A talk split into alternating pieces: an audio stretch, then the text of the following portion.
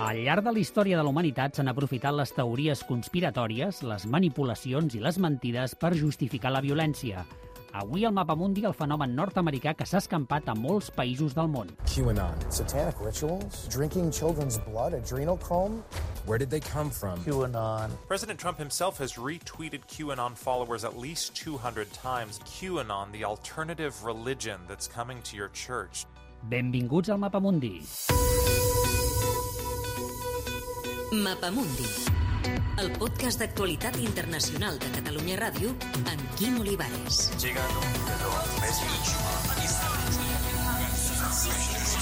Mapamundi, el podcast per saber què passa al món.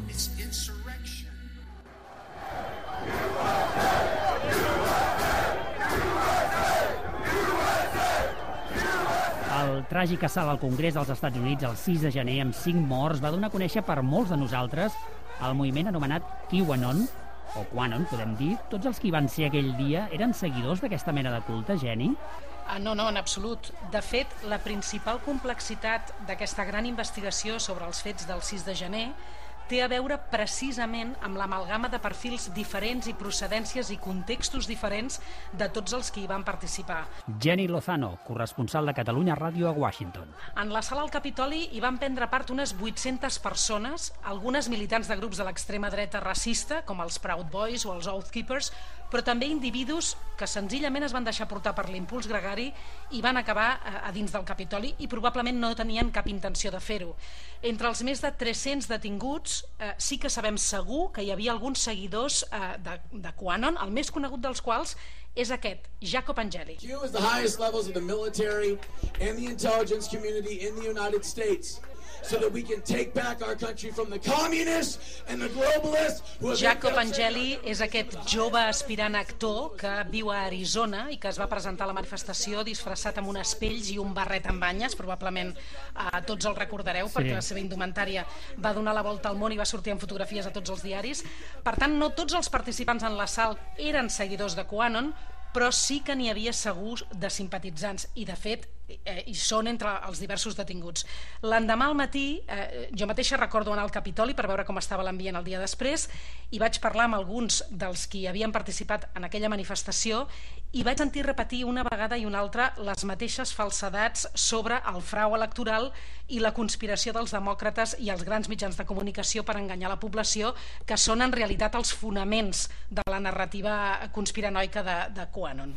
Quins són els antecedents de Quanon? No neix pas amb Donald Trump, oi? Podem dir que Trump ha estat una peça clau, fonamental, per fer créixer la narrativa del moviment, però ni comença ni s'acaba a- amb l'expresident. Els antecedents de QAnon els hem de buscar durant la campanya electoral per les presidencials del 2016. I want to welcome you to the first presidential debate.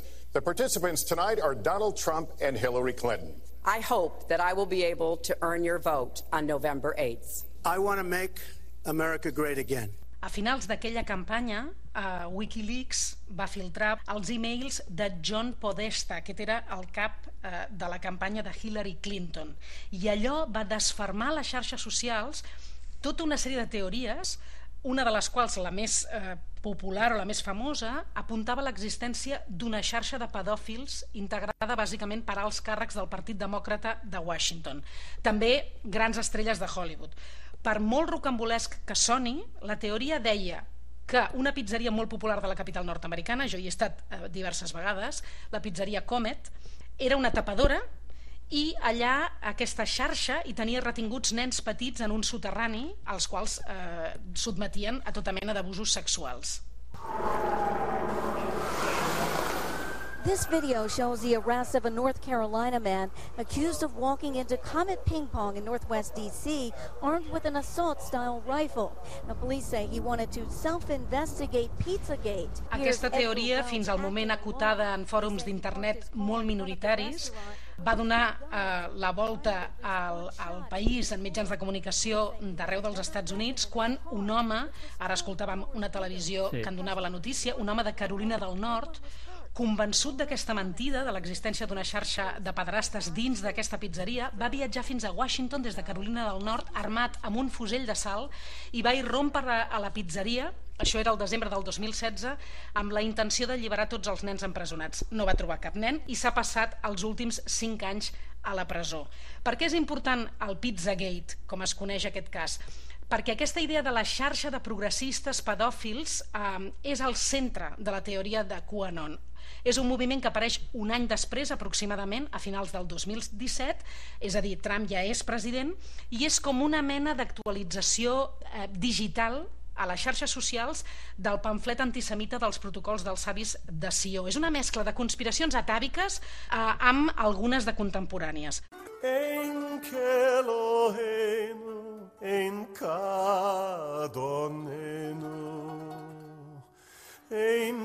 malcheno, ein che moscieno. Les teories conspiratives no les ha inventat QAnon, han existit al llarg de la història de la humanitat. Un exemple són aquests protocols dels savis de Sió. Eh, què són aquests protocols i, i què s'hi diu en aquests protocols? Doncs els protocols dels savis de Sió podem dir diverses coses. En primer lloc, és l'obra antisemita més divulgada de la història. Daniel Roig, professor d'Història Contemporània de la Universitat de Barcelona i investigador del Centre d'Estudis Històrics Internacionals. En segon lloc, és una obra falsa. Eh, de fet, és una obra que està redactada per l'Ucrana. L'Ucrana és la policia política zarista.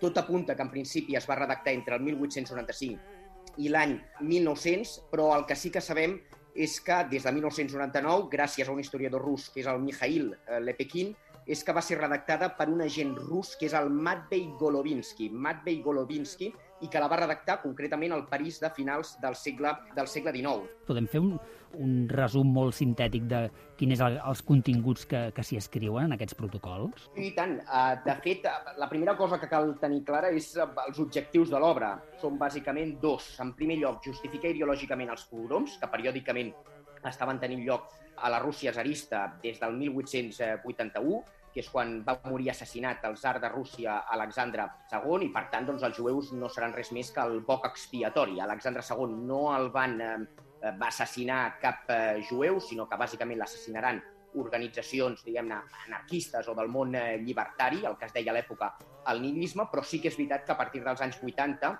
doncs aquí es culparà concretament és els jueus. El segon objectiu és utilitzar els protocols com a arma política i de propaganda contra els sectors més liberals de la política russa, com és el cas, entre d'altres, del ministre de Finances, que hi va haver a la Rússia zarista entre 1892 i 1903, que és el Sergei Vitei, que, per cert, també serà primer ministre de Rússia entre el novembre de 1905 i el maig eh, de, 1900, eh, de 1906. Davant l'auge d'aquests sectors eh, liberals russos, que el que volen és liberalitzar doncs, el sistema polític rus i, en definitiva, la parlamentarització del país, la resposta dels sectors més reaccionaris justament serà elaborar una obra que identifiqui la classe política eh, liberal com si fossin una espècie de xaiets, uns homes de palla, al servei de la conspiració jueva eh, mundial. Eh, malgrat ser falsos, fins a quin punt van servir o han servit perquè l'antisemitisme s'escampi pel, pel món? Quina ideologia n'ha tret eh, més profit? L'antisemitisme, en principi, el que és l'antisemitisme modern, neix al segle XIX. Els oients es preguntaran, home, de persecucions contra els jueus eh, hi ha hagut tota la història, i efectivament, hi ha hagut tota la història. Però al segle XIX, i concretament cap a mitjans del segle XIX, és quan s'abandona el que és eh, l'antijudaïsme de vell en cuny i és quan s'inicia el que és eh, les teories, les doctrines modernes que nosaltres associem a l'antisemitisme i dintre de l'antisemitisme hi participarà absolutament tothom, des de l'extrema dreta, però també alguns sectors de l'extrema esquerra, per exemple, del segle XIX i de ben entrat al, al segle eh, al segle XX i que associem a, a el que és l'esquerra, els moviments anticapitalistes, etc etc, també eh, s'adheriran al que és eh, algunes de les doctrines de l'antisemitisme. Lògicament, durant el període entre guerres, qui més profit en traurà, eh, sense cap mena de dubte, és eh, concretament el feixisme o els feixismes europeus. És més, de fet, durant els anys 30, amb el que és eh, l'ascens. Und außerhalb Europas gelingen sollte, die Völker noch einmal in einen Weltkrieg zu stürzen, dann wird das Ergebnis nicht die Bolschewisierung der Erde und damit der Sieg des Judentums sein, sondern die Vernichtung der jüdischen Rasse in Europa. Del partit nazi al poder a partir de 1933, a l'Alemanya nazi serà una obra pràcticament institucionalitzada. Eh, què vull dir amb institucionalitzada? Doncs vull dir que es prendrà com una obra vertadera, eh, d'ensenyament i una obra, diguem-ne, com si fos eh, la Bíblia, per entendre'ns. El franquisme també es va aprofitar d'aquests protocols? Todo lo que en España y en Europa se ha armado obedece a una conspiración masónica y izquierdista en la clase política y con soberbios el franquisme no, no n'aprofitarà tant el, el tema, no, no com a l'Alemanya nazi, tot i que especialment a la primera meitat dels anys 40 alguns eh, segments eh, polítics, eh, concretament de l'extrema dreta, Falange, per exemple, però també altres organitzacions de l'extrema dreta espanyola, sí que és veritat que explotaran el que és el mite de la conspiració eh, judio-maçònica. Ah, fins a quin punt les teories conspiratives, i deixant de banda una mica el que seria específicament els protocols dels savis de Sió, fins a quin punt aquestes teories són una idea que es repeteix al, al llarg de la història? La idea de la conspiració eh, mundial eh, ja existeix des de fa segles. De fet, pensem que, a banda dels protocols dels savis de Sió, ja des del segle XVI es va publicar, per exemple, una obra que era Carta de los judíos de Constantinople, eh, per un escriptor espanyol castellà, que era Juan Martínez de Siliceo, però també al segle XVII, per exemple, Francisco de Quevedo doncs, publica una obra que es pot considerar doncs, una obra antijueva, que és la isla de los Monopantos. Per tant, la idea de la conspiració, sigui dels jueus o sigui d'un altre poble o d'un altre segment eh, social, polític, etc etc, no és una cosa de, del segle XX, tampoc no és una cosa del segle XIX, sinó que ja ve, ja ve de segles. Gràcies, professor. A reveure. Moltíssimes gràcies a vosaltres. Una abraçada.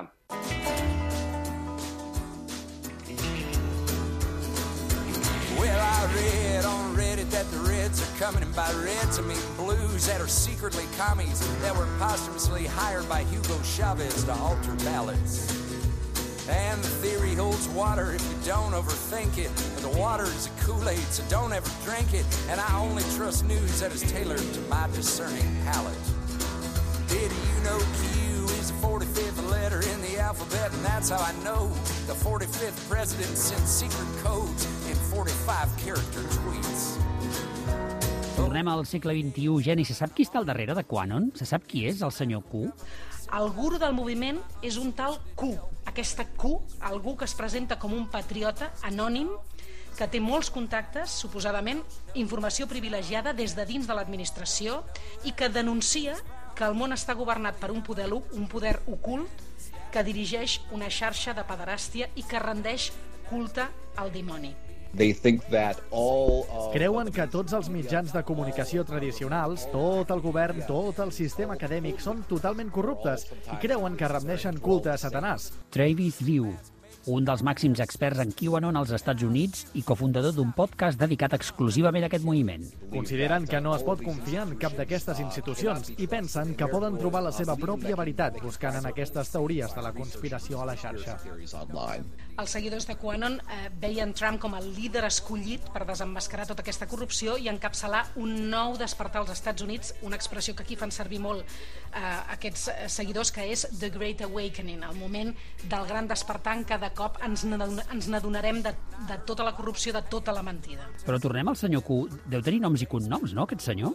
Aviam, s'ha dit de tot, eh, des que és Donald Trump o un dels seus fills, eh, fins que al darrere hi ha Steve Bannon, però diguem que les teories diguem, amb més sentit o que, o que tindrien més, més pes um, apunten que aquesta Q seria un empresari nord-americà que es diu Jim Watkins o sobretot el seu fill que es diu Ron Watkins que van ser administradors eh, del fòrum d'internet 8chan, molt polèmic per la seva vinculació amb material pornogràfic infantil, amb tota mena d'ideologia neonazi violenta, un fòrum molt poc regulat o pràcticament no regulat a internet. Jim Watkins, before QAnon, Jim Watkins, abans de QAnon, gestionava un canal de notícies que es deia The Goldwater i que promovia les mateixes teories de la conspiració que QAnon. Uh, Com ara que els demòcrates eren fidels seguidors del dimoni i que feien tota mena de coses horribles. Per tant, ho fan uh, probablement per una combinació d'incentius financers i polítics. Explicat així, Geni, ens pot semblar mentida que hi hagi milions de persones que es creguin aquesta, aquesta història, no? Tu, tu, Geni, has pogut entrevistar una dona de Michigan que va estar enganxada a QAnon durant uns mesos fins que un dia, pum, el cervell li va fer un clic Explica'ns una mica el seu cas, a veure. Ella es diu Lenka Perron, és una dona de 56 anys, mare de tres fills, que viu als afores de Detroit i treballa com a consultora. El seu cas és interessant perquè no respon al perfil eh, de votant conservador o simpatitzant de Donald Trump, sinó tot el contrari. Ella és una dona que sempre ha votat demòcrata, molt sensibilitzada amb les lluites sindicals, preocupada per la progressiva desaparició de la classe mitjana, que durant dècades va fer possible el somni americà per a moltes famílies dels Estats Units. I watched the middle class shrink. I watched unions disappear.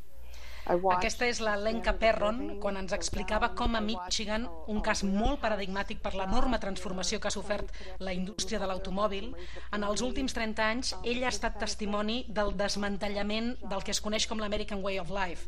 I aquesta preocupació és el que la va portar el 2015 a donar suport a la candidatura de Bernie Sanders. Democracy is not a complicated process.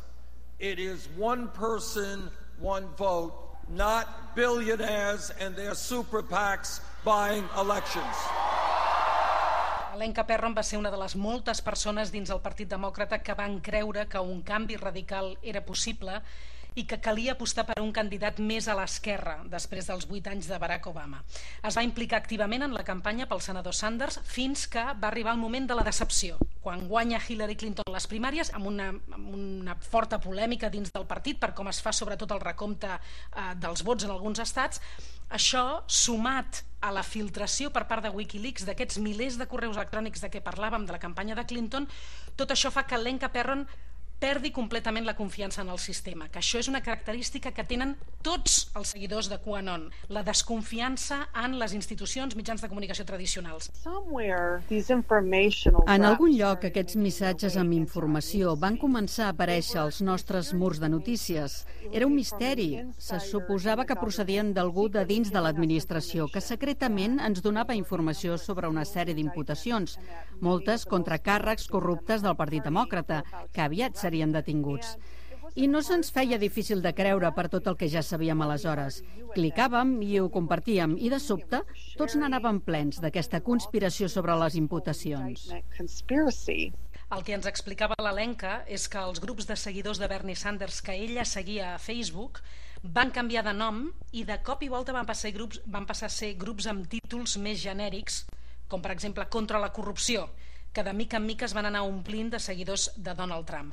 En el moment que van aparèixer els primers missatges d'aquesta Q anònima, el terreny, per tant, ja estava molt abonat per atrapar milers de persones en aquesta narrativa a través de les xarxes socials. Tota aquesta immersió obsessiva a internet, de, de quina manera suposo que li hauria afectar la seva vida privada, no, Gene? Sí, sí, absolutament. Això funciona com una, com una secta. L'Alenca va estar enganxada al moviment durant més o menys sis mesos explica que quan, quan tornava de treballar al vespre pràcticament no parlava amb els seus fills, es, es quedava penjada eh, d'internet a l'ordinador fins a 8 hores al dia, va perdre hores de son, la salut se'n va ressentir, però assegura que era com una addicció perquè tenia la sensació de tenir el privilegi d'haver descobert una veritat que només estava reservada per uns quants. El que tenen tots en comú és la sensació de poder en un món en què se senten impotents. Aquestes conspiracions fan que la gent senti que poden fer alguna cosa perquè creuen que tot està fora de control. Se senten més pròxims els uns als altres que amb les seves famílies i això és molt semblant a com funcionen les sectes. De tota manera, hi ha un moment en en què ella obre els ulls, fa un clic. Eh, com, com va ser aquest procés? Doncs precisament va ser gràcies a l'aparició de Donald Trump en tota aquesta equació de, de QAnon. La Lenka Perron coneix el personatge de Trump pel seu passat com a magnat immobiliari i les denúncies que ha tingut per abusos sexuals de diverses dones i senzillament no li entra al cap que el líder que hagi de desmantellar tota aquesta corrupció als Estats Units pugui ser un home eh, com Donald Trump. Des del principi de tot, el missatge era del tipus mirem totes les accions delictives del Partit Demòcrata juntes. I sabeu qui ha vingut aquí per salvar-nos a tots i posar fi a la corrupció? Donald Trump. Immediatament vaig saber que algú ens estava utilitzant. Amb la falta de caràcter i de moral de Donald Trump, allò no quadrava gens ni mica. Well, I don't know much about the movement other than I understand they like me very much, uh, which I appreciate, but I don't know much about the movement. Entre la Casa Blanca, Donald Trump, aquí sentim dient que no en sabia gaire d'aquest moviment, més enllà de donar-los les gràcies perquè als membres del moviment els agradava el president, és a dir, ell mateix. Trump, doncs, era conscient de l'existència d'aquest moviment que el defensava gairebé com si fos el Macias, oi? Uh, sí, uh, el paper de Trump respecte a QAnon sempre va ser molt ambigu.